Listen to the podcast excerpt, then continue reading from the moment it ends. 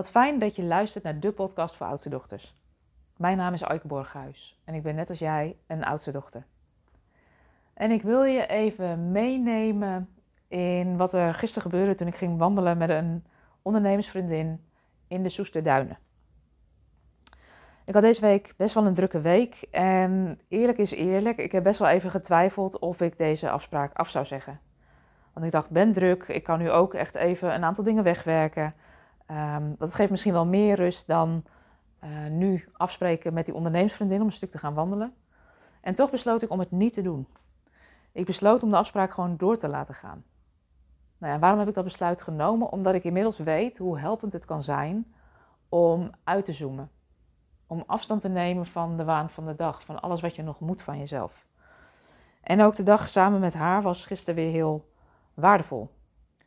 Sowieso al er naartoe rijden, even geen telefoon, geen podcast, gewoon even alleen met je gedachten en natuurlijk op de weg letten, um, gaf al wat nieuwe inzichten.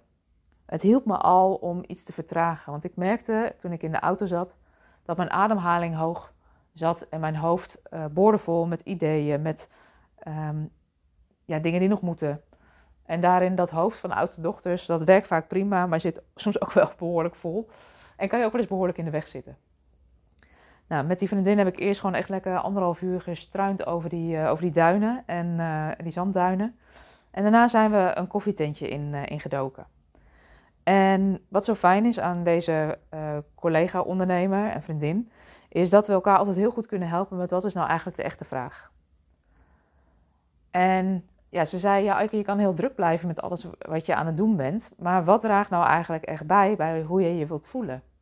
Hoe wil je je eigenlijk voelen?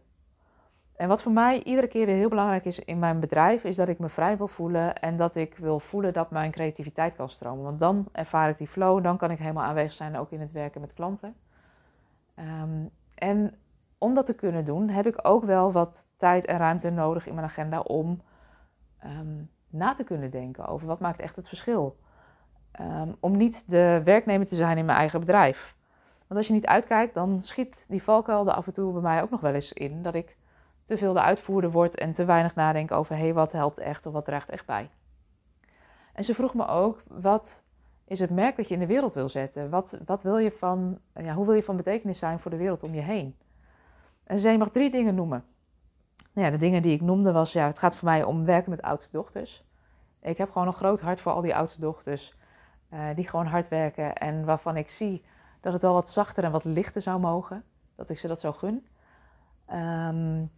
Het tweede gaat voor mij dus over leiderschap. Van dat ik oudste dochters uh, mag helpen om weer uh, te voelen wat ze zijn, wat ze willen en waarmee ze van betekenis willen zijn. En als derde gaat het voor mij ook echt over dat systemisch werk.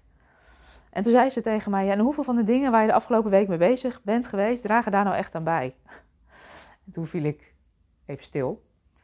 Want ineens werd helder uh, dat ik weer tijd en energie aan het steken ben in dingen die eigenlijk niet bijdragen aan wat ik echt graag zou willen doen.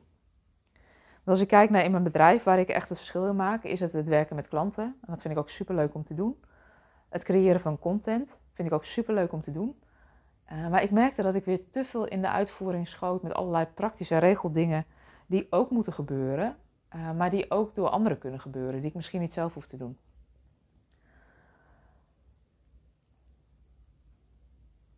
Dat was helpend. Dat was helpend omdat ineens duidelijk werd dat, um, ja, dat een aantal dingen um, ja, misschien wel niet door mij gedaan hoeft te worden, maar dat ik dat bij mijn team kan neerleggen.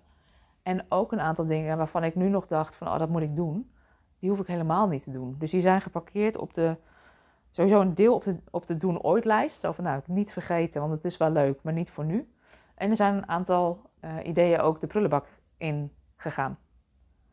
Alleen daarom is zo'n moment van uitzoomen en afstand nemen helpend. Want het helpt je dus om uh, weer scherp te krijgen, weer helder te krijgen van waar gaat het nu echt om? Waar maak ik nu echt het verschil? En welke dingen mag ik parkeren of ja, hoeven niet of hoeven niet nu? Dus alleen daarin gaf uh, die dag al rust. Wat er ook gebeurde is dat ik um, door die wandeling en het lekker buiten zijn ook weer voelde dat ik veel meer in mijn lijf aanwezig was. Dus ik zat niet meer zoveel in mijn hoofd, waar ik um, ja, vaak niet de beste oplossingen bedenk. Maar als ik meer in mijn lijf aanwezig ben, dan ontstaat er ook ruimte voor plotselinge ingevingen. Dan ontstaat er ruimte voor hoe ik iets op kan lossen of wie iets zou kunnen doen. Dat was dus heel fijn. En buiten zijn de natuur brengt ook altijd rust. Mijn ademhaling zakte, was meer in mijn lijf. En het was gewoon ook heel fijn om elkaar zo verder te kunnen helpen. Dus het kan zijn dat je denkt van, oh, ik zit vol in mijn hoofd of, of wat dan ook. Um, kijk dan eens of je eens een stuk met iemand zou kunnen gaan wandelen. Dat kan alleen, maar het kan soms ook heel fijn zijn om te klankborden met iemand die um, snapt waar je mee bezig bent, uh, die met je mee kan kijken. Want zo'n scherpe blik van iemand anders um, helpt altijd. Je kunt nu eenmaal je eigen blinde vlekken niet zien. Ik ook niet, jij ook niet. En het is dan zo fijn om daar ook iemand anders bij te hebben die je daarbij kan helpen en die dat ook leuk vindt. Veel oudste dochters voelen zich dan ook bezwaard om, daar, um, ja, om anderen daarmee tussen haakjes te belasten, om om hulp te vragen. Maar sta dan ook maar stil bij um, hoe het voor jou is als iemand anders jou om hulp vraagt. Over het algemeen, als je zelf niet helemaal al veel te vol zit, vind je het ook best fijn om iets voor een ander te kunnen betekenen. Op dit momenten wordt me weer duidelijk hoe belangrijk uitzoomen is, hoe belangrijk de verbinding met anderen is. Um, ja, en ik merk gewoon dat ik nu een dag later veel meer ontspannen, uh, wel weer lekker aan het werk ben. Dus uh, dubbele winst. Een fijn gevoel over gisteren, nieuwe inzichten. Uh, mijn actielijst of to-do-lijst is korter. Dus voor mij een win-win-win. En het helpt me ook om te beseffen nu dat dit dus zoveel oplevert. Want ook de volgende keer als ik denk, ik ben hier eigenlijk te druk voor. Ik heb hier eigenlijk geen tijd voor. Weet dan dat dit soort uitstapjes met een vriendin, met een collega, met een ondernemer eigenlijk altijd nieuwe ruimte, nieuwe inzichten opleveren. En het dus helemaal niet zonde is van je tijd, maar juist tijd heel goed besteed. Het leven is niet bedoeld om altijd alleen maar keihard te werken. Het leven is bedoeld om geleefd te worden. Dus um, dat is eigenlijk de uitnodiging aan jou. Hoe kun je meer levenslust, meer levensenergie toevoegen aan je leven? En um, ik ben benieuwd wat, uh, wat jou daarin zou kunnen helpen. Wil je met me delen? Dat kan altijd. Je mag me altijd even een mailtje sturen. Uh, mijn contactgegevens staan op de website www.oudstedochter.com. En um, ja, voor nu wens ik je een hele fijne dag.